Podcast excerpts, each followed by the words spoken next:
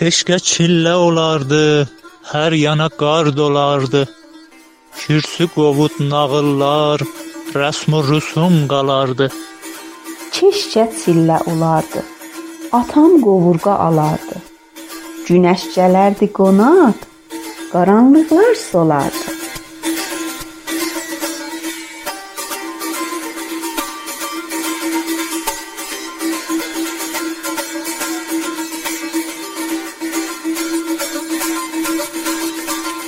Keşkə çillə olardı.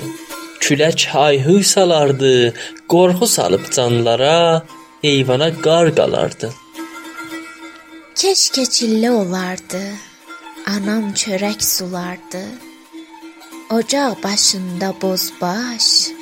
Hey, olsaydı nə olardı?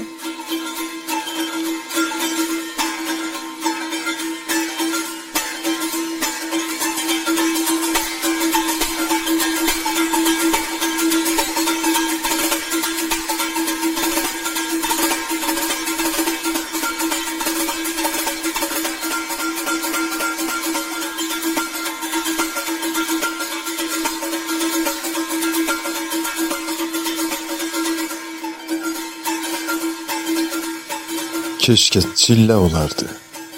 Qurdlar gəzib ulardı. Axşam olacaq xan babam çatıb namaz qılardı. Keşke çillə olardı. Aşıq Heydər çalardı. Hardan gərək bilərdim. Yadda qalan bulardı.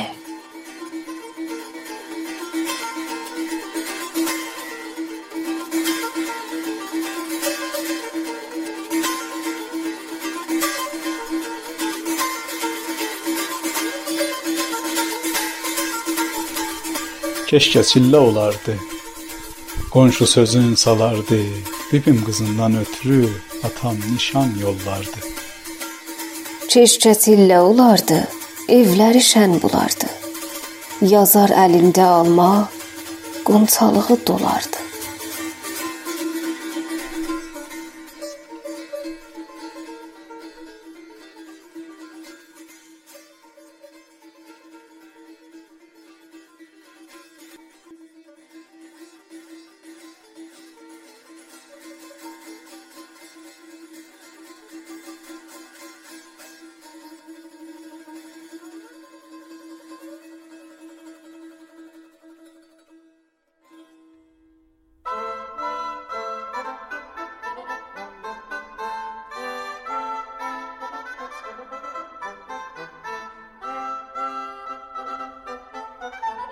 Salamlar, sayğılar Dastanca xalqını dinləyənlərə.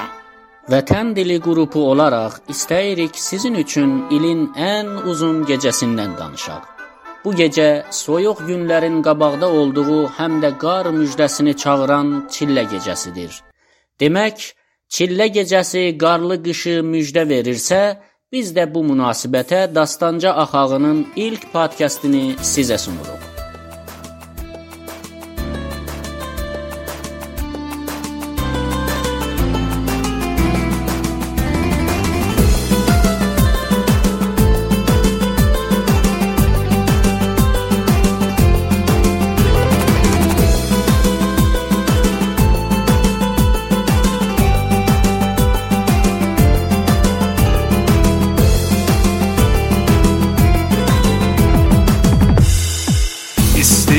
evler Bu soyuk havada ne güzel resimler Vardır el obada. Yığışıp konaklar birbirin sorarlar Bezenip dar ile şehrimizle dağlar Şehrimizle dağlar. Bırakın dem kederleri Kalplerin rişesi solsun Cergenizme İlə dolsun Qovuşsun aşıq ürəklər Sevdalı baxışlar olsun. Payızın son gecəsində Çilləniz mübarək olsun. Çilləniz mübarək olsun. Yer kürəsinin quzey yarım kürəsində ilin 365 gününün ən uzun gecəsidir. Bu gecə Şəmsi ilində Dey ayın başlanğıc gecəsi, Azər ayının sonuncu gecəsi və 3 ay Novruz bayramına qalmış bir gecədir. Gecəsində çilləniz mübarək olsun. Çilləniz mübarək olsun.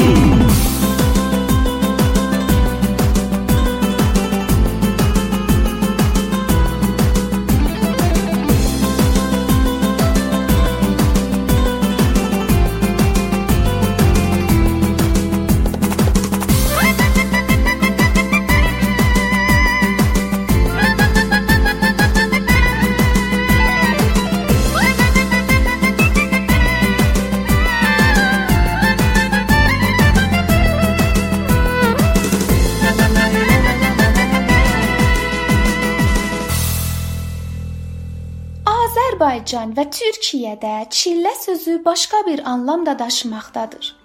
O da çətinlik və zəhmət deməkdir. Deməli, hələ də xalq içində işlənməkdə olan çillə tökmək, çillə kəstirmək, çilləsi çıxmaq, bir gəlinin, zahının, uşağın hansısa bir çətinlik və ya zəhmətdən qurtulmasına aid işlənən terimlərdir.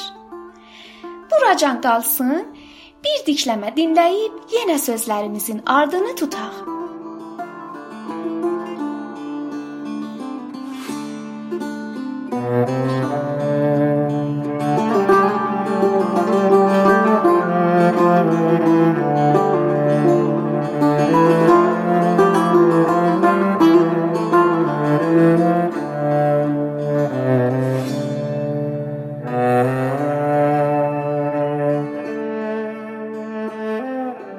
Gördüm ol xurşid hüsnün ixtiyarım qalmadı.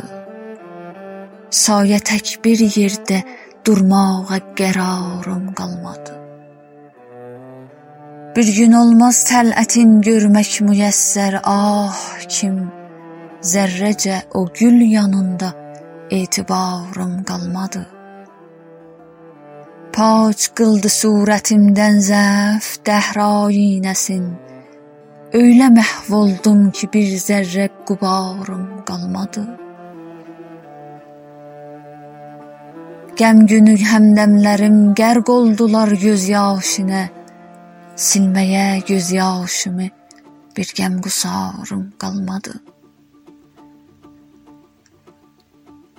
Ruzigarım xoş keçərdi, ah kim dövran dönüb Oldu əhvalım xarab ol ruzigarım qalmadı. Ruzigarım xoş keçərdi. Ah kim dövran dönüb oldu əhvalım xarab ol ruzigarım qalmadı. Rah eşq içrə mənə ancaq fəna məqsududur. Şükr ki məqsudə yetdim, intizarım qalmadı. Ey Fuzuli, ey Fuzuli, ilhamı əğyarım oldu yar üçün. Suzə dildən qeyri bir dilsuz yarım qalmadı.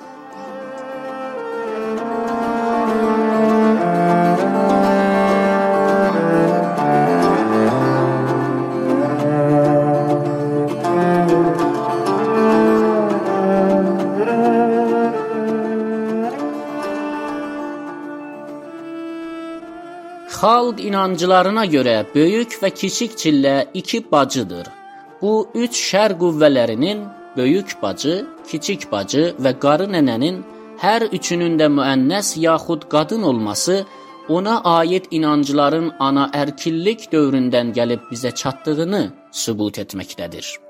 Paşa Əfəndiyev yazır, istər əski türklərin şamanlıq inanclarında, istərsə də Zərtüş dinində od və ocaq qutsaldır. Azərbaycan xalqının inanclar sistemi tərkibində İslamiyyətdən öncəki hər iki din, şamanlıq və zərtüştilik əsas rol oynamış və bu günə qədər də ürf, adət və mərasimlərimizdə özünü saxlamışdır. Bunların hər ikisində də işıq, isti və gündüz xeyr, qaranlıq, soyuq, qış və gecə isə şər sayılır. Belə deməliyik ki, qabaqda olan qışın soyuq və çətin günlərinə qarşı dayanmaq türklər üçün bir mübarizə tələblik göstərgəsidir.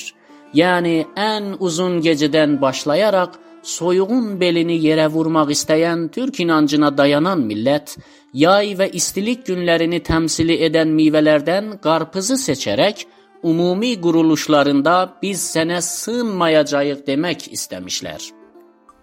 Çətin günlərin qabaqda olduğunu bilən və ata-babalardan qalan qorx-gecə şərrindən tövsiyəsini qulağına sırğa edən millət özünü şadlıqla, deyib gülməklə və ailə üzvləri ilə bir yerə yığılaraq qışı qarşılamaq istəyirlər. Yəni insanlar qışın çətinliklərinə qatlaşmaq üçün ruhi baxımdan hazırlanırlar və bu fəlsəfi bir baxışdır mənəvi həyatda. Demək, insan özünü ovundurur, həm də dözümlü olmaq və özlüyünü uduzmamaq kimi məşq etmək istəyir. Bu çətinliklərlə rastlaşmanı bayram kimi qeyd etmək istəyir. Biz hələ də yaşamaq istəyirik deyirlər. İndi isə xalqımız içində deyilən nağıllardan birini siz dəyərli dinləyicilərimizin qulluğuna sunuruq. Buyurun.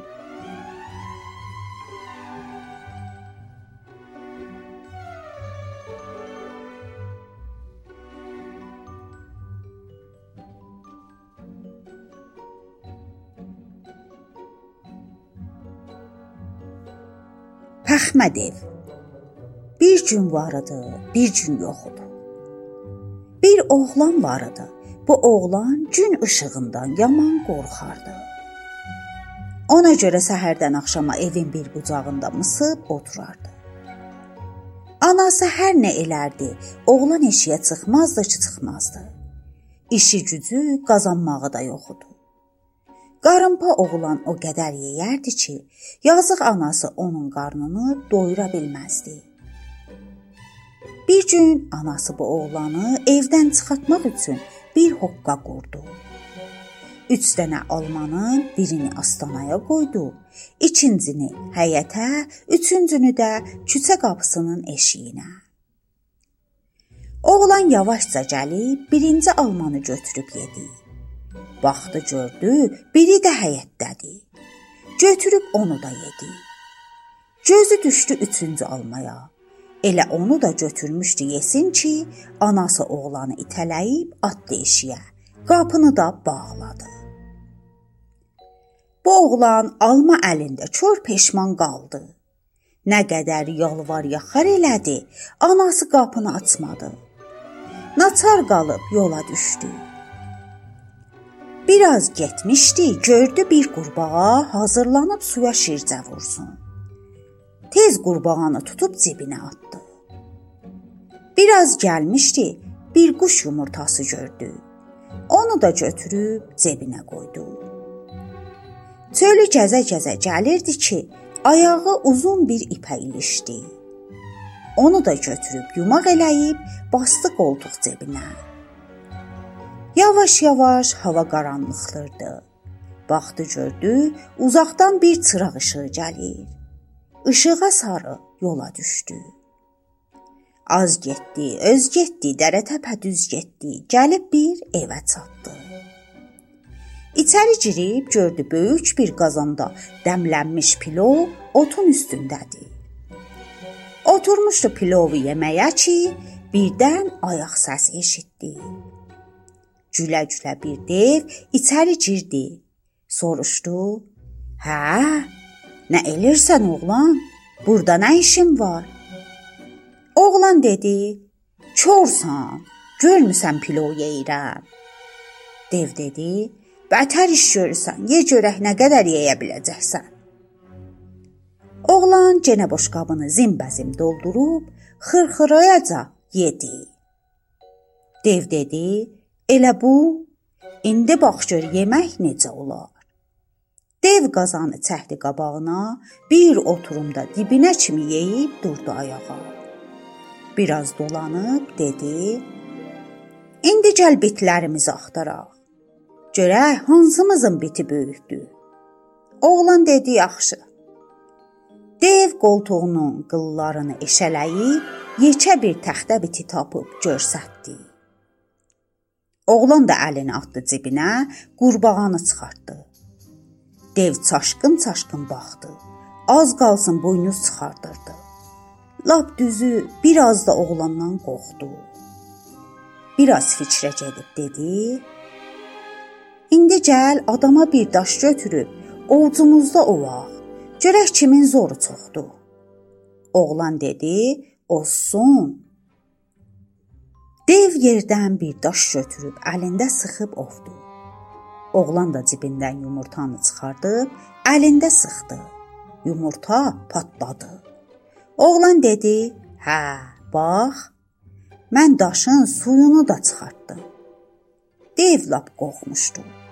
İstədi, görək ki, oğlan bunu yaxadır ya yox.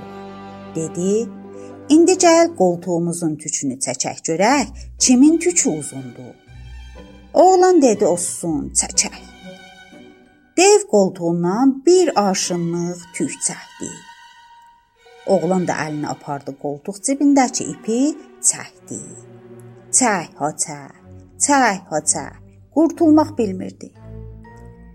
Dev dedi: "Yaxşı, yaxşı, bəsdir də istəmirik. Qurtar görək." İndi gəl bir-birimizi püfləyək. Görək hansımızın zoru çoxdur. Oğlan dedi: "Olsun. Əvvəl sən, sonra mən." Dev ağzını yellə doldurdu, sonra püflədi oğlana sarı. Qapılar çırpıldı, otaq titrədi. Oğlanı da atdı taxtçanın bucağına. Dev baxdı gördü oğlan oturub taxtçada. Dedi: "Bəs sən orada nə iş görürsən?" Oğlan dedi: "Dur orada tərpənmə ki, indi dədən yandıracağam." Yazıq dev inanıb, qorxusundan tüdabana qüvvət, necə qaçar, necə qaçar. Az qaçmışdı, çox qaçmışdı. Düşündü ki, qoy gedim tülkünün yanına. Onun başı çıxar. Tülkü quyruğu ilə oynayırdı ki, dev yetişdi. Dedi: "Qardaş, nə oturubsan? Bir adamcıq gəlib mənim evimdə məni evdən eşiyə saldı. Zorum ona çatmadı. Sən tülküsən. Məndən də ağıllısan. Mən yazığın halına bir çara qıl." Tülkü qaqqa çəkib güldü. Dedi: "Olan sən nə pəxmə imişsən? Adamda zor nə qeyri? Gəl gedək, mən ona bir aş bişirim ki, üstündə bir qarış yağ dursun." Dev dedi: "Yox qardaş, belə olmaz. Bəlkə sən yolun yarısında çaşdın, məni yalqız buraxdın. Düz deyirsən? Gəl ayağını mənim ayağıma bağla, ki qaça bilməyəsən." Sən bilmisən ki o Tülkü dedi: "Yaxşı, yaxşı. Gəl ayaqlarımızı bir-birinə bağlayaq. Ay pəxmə dev." Ayaqlarını bağlayıb yola düşdülər. Oğlan uzaqdan gördü ki, tülkü devlə gəlirik. Hay verdi: "Oy, tülkü qardaş, atanın babətindən mənə 7 dev borcum var idi. Gətirmədin, gətirmədin. İndi bir dev gətirirsən. Özü də dərisini soymamış. İndi gəlib beynini dağırdaram." Bunu eşidən dev tüdabana elə qaçdı ki, tozu da görünmədi. Yazıq tülkünü də o qədər o tərəf bu tərəfə çırpdı ki, haldan saldı. Oğlan qayıdıb gəldi evinə. Anasına dedi: "Dur ayağa ana, gedirik mənim imarətimə. Bir dəm dəzgah qoşmuşam ki, gəl görəsən." Belə oldu, gedib Pəxmə devin var-yoxuna sahib oldular.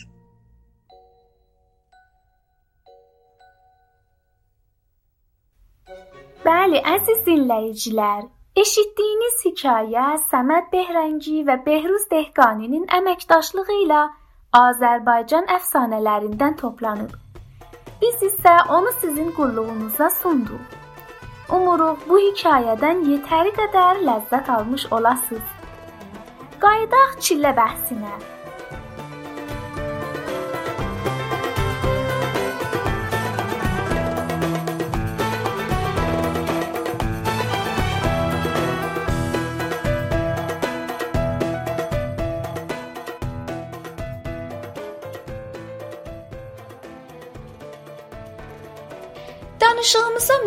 Vurmaq istəsək, Güllüyol oğlunun yazısına rastlaşarıq. O belə yazıb: Əski türklər çillənin ilk gününü bayram edərdi. Çillə gecəsi oğlan evindən adaxlı qıza çilləlik göndərilər. Deməli, çillə gecəsinə aid yeməklərdən o cümlə pəşmə, qovut, halva, quru yemişlər, nar və ən vacib olan çillə qarpızı bir xonçada toplanıb axşam başı qız evinə göndərilər. Bu da həyatın davamına inanmaqla bağlı olan rəsmlərdən sanılır. Çillələr belə dedi. Kiçik çillə. Qardaş, neynədin? Böyük çillə. Eş zad, təndirin dibinə düzdüm. Kiçik çillə. Qoy özüm gəlim, sən başarmırsan. Kiçik çillə. Qarıların əlin yağ bardanında donduraram. Gəlinlərin əlin un çuvalında. Böyük çillə. Heç zad eləyənməzsən qardaş. Dalın yaz, ömrün az. Digər tərəfdən dediklərə dayanaraq, çillə mərasimi türk xalqlarının inanclarında Allahdan bərəkət və bolluq təmənnası ilə əlaqədardır. Yaşar Kalafat yazır, uzun qış mövsümü insanların və heyvanların yeyəcəklərinin, yaxacaqlarının tükəndiyi ciddi bir imtahandır. Adətə təsəvvüfdəki çillə yaşanılaraq nəfs tərbiyəsindən keçmişdir. Necə ki, qışın dönəmləri arasında böyük çillə və kiçik çillə də vardır, çillədən çıxış bir qutlamağı və həmdi bayramını gətirir. Bu ruzi yetirənə bir şükran, yenə də daha bol verməsi üçün yalvarışdır.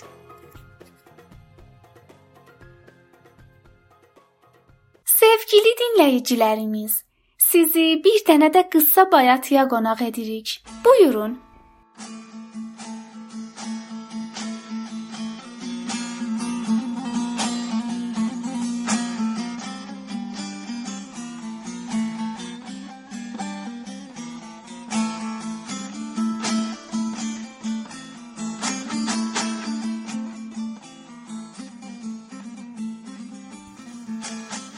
Günəşdən doğulsa aydın bir səhər, səndən də yaranır qaranlıq, kədər.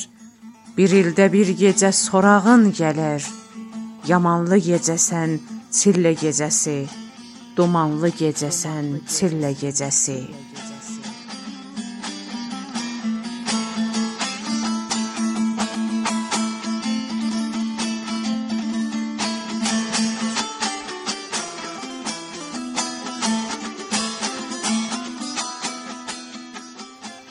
Tufanlar qoparıb şaxta salırsan, bağbanı kiridib bağı talırsan, çöllərin bəzəyin rəngin alırsan, qaradan qarasan çillə gecəsi, sanki bir yarasan çillə gecəsi.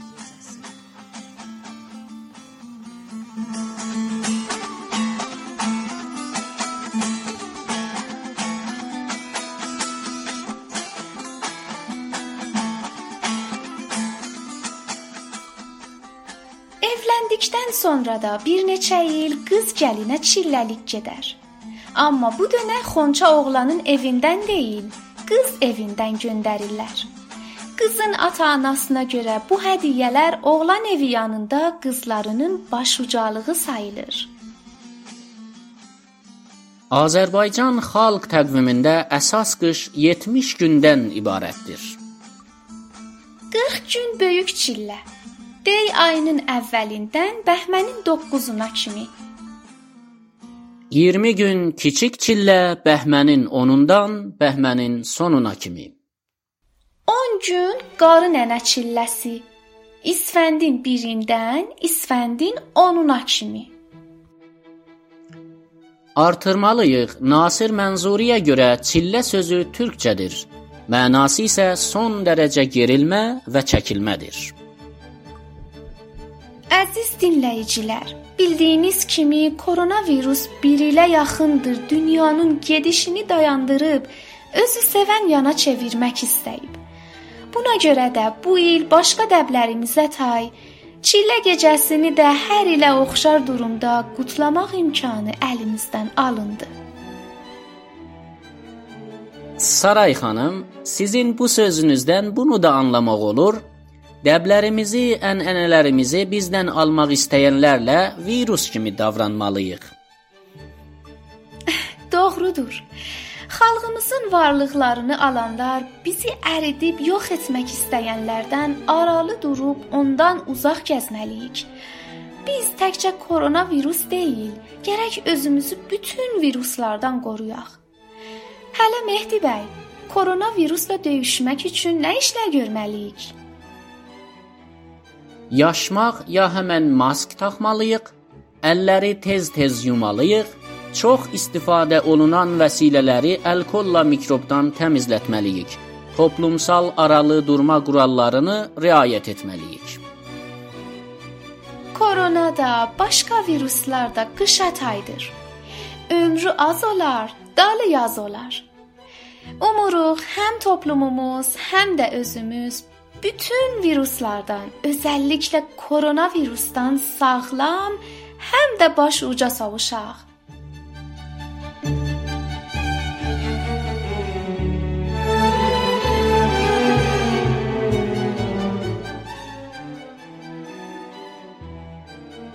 Xəlil Riza Ulu Türk Azərbaycanımızın adlım şairlərindən bir dikləmə qulluğunuza sunub, sonra yavaş-yavaş ilk podkastımızın başını bağlayaq. Buyurun.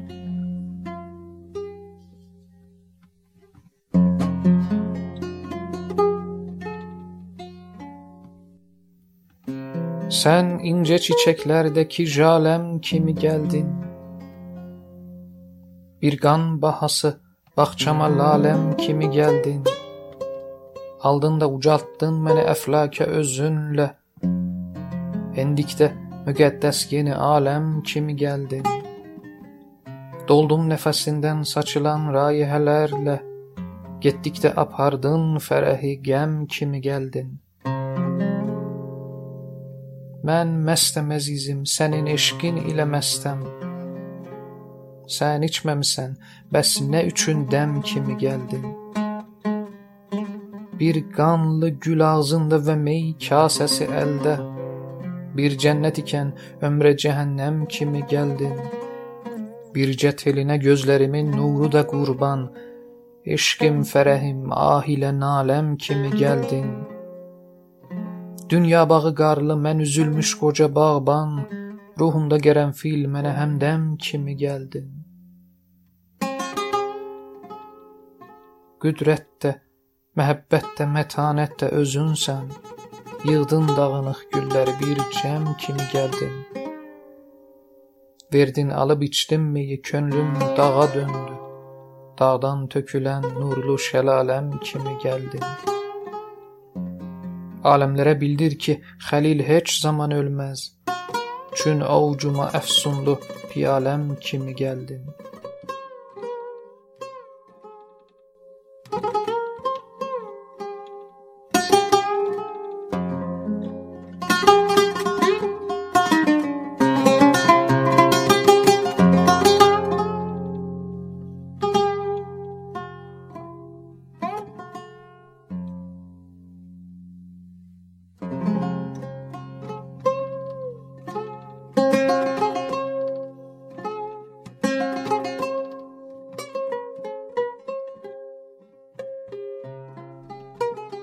Sayın dinləyicilər, beləliklə ilk podkastımız sona çatır. Umuruq işimizi xoşlamış olasınız. Baxışlarınızı bizlə arada qoyub işimizin daha da gözəl olmasına yardım edin. Mən Mehdi Miyabli və mən Saray Tahiri, Əmin Kərimi, Vida Hişməti, Mehdi Şiri, Kəmal Alqın, Leyla Şərifi, Riza Hüseyn Nəcad, Əli Səlmanzadə, Nəyirə Ərdəlani, Behnam Məhəmmədi, Mina Purheydər, Fatimə Nəcəfzadə, Sənəm Purşükr, Elnarə və Səccad Müslimi ilə birgə bu verilişi qulluğunuza sunduq. Sağ qalın. Sağlam yaşayın. Hələlik.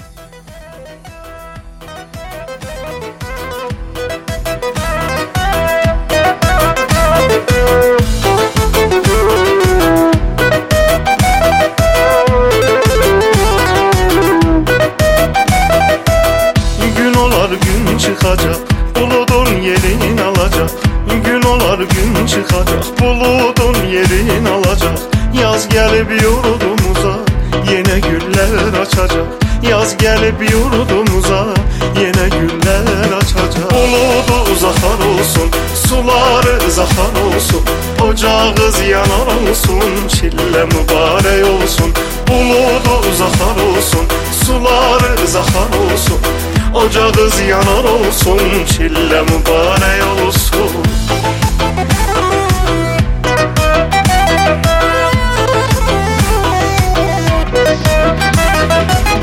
Doluruq hər gün yaşa, səbr eylə paşa, paşa. Doluruq hər gün yaşa, səbr eylə paşa, paşa. Bayram gəlir ardıca, icranın yetər başa. Bayram gəlir ardıca, icranın yetər başa. Buludu uzaxar olsun, suları zaxar olsun. Ocağız yanar olsun, çillə mübarək olsun. Buludu uzaxar olsun, suları zaxar olsun. Ocağız yanar olsun, çillə mübarək olsun.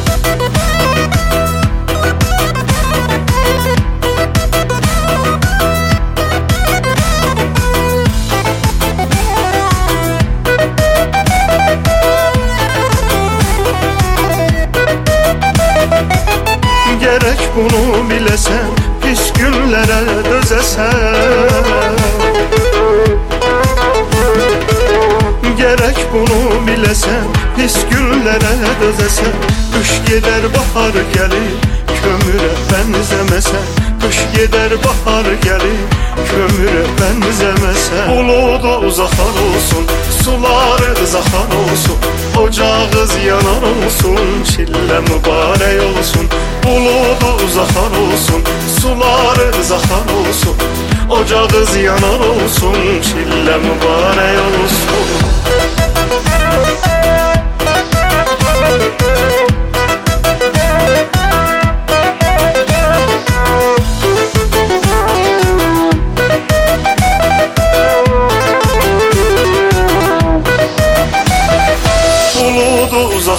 Olsun, suları zaxar olsun.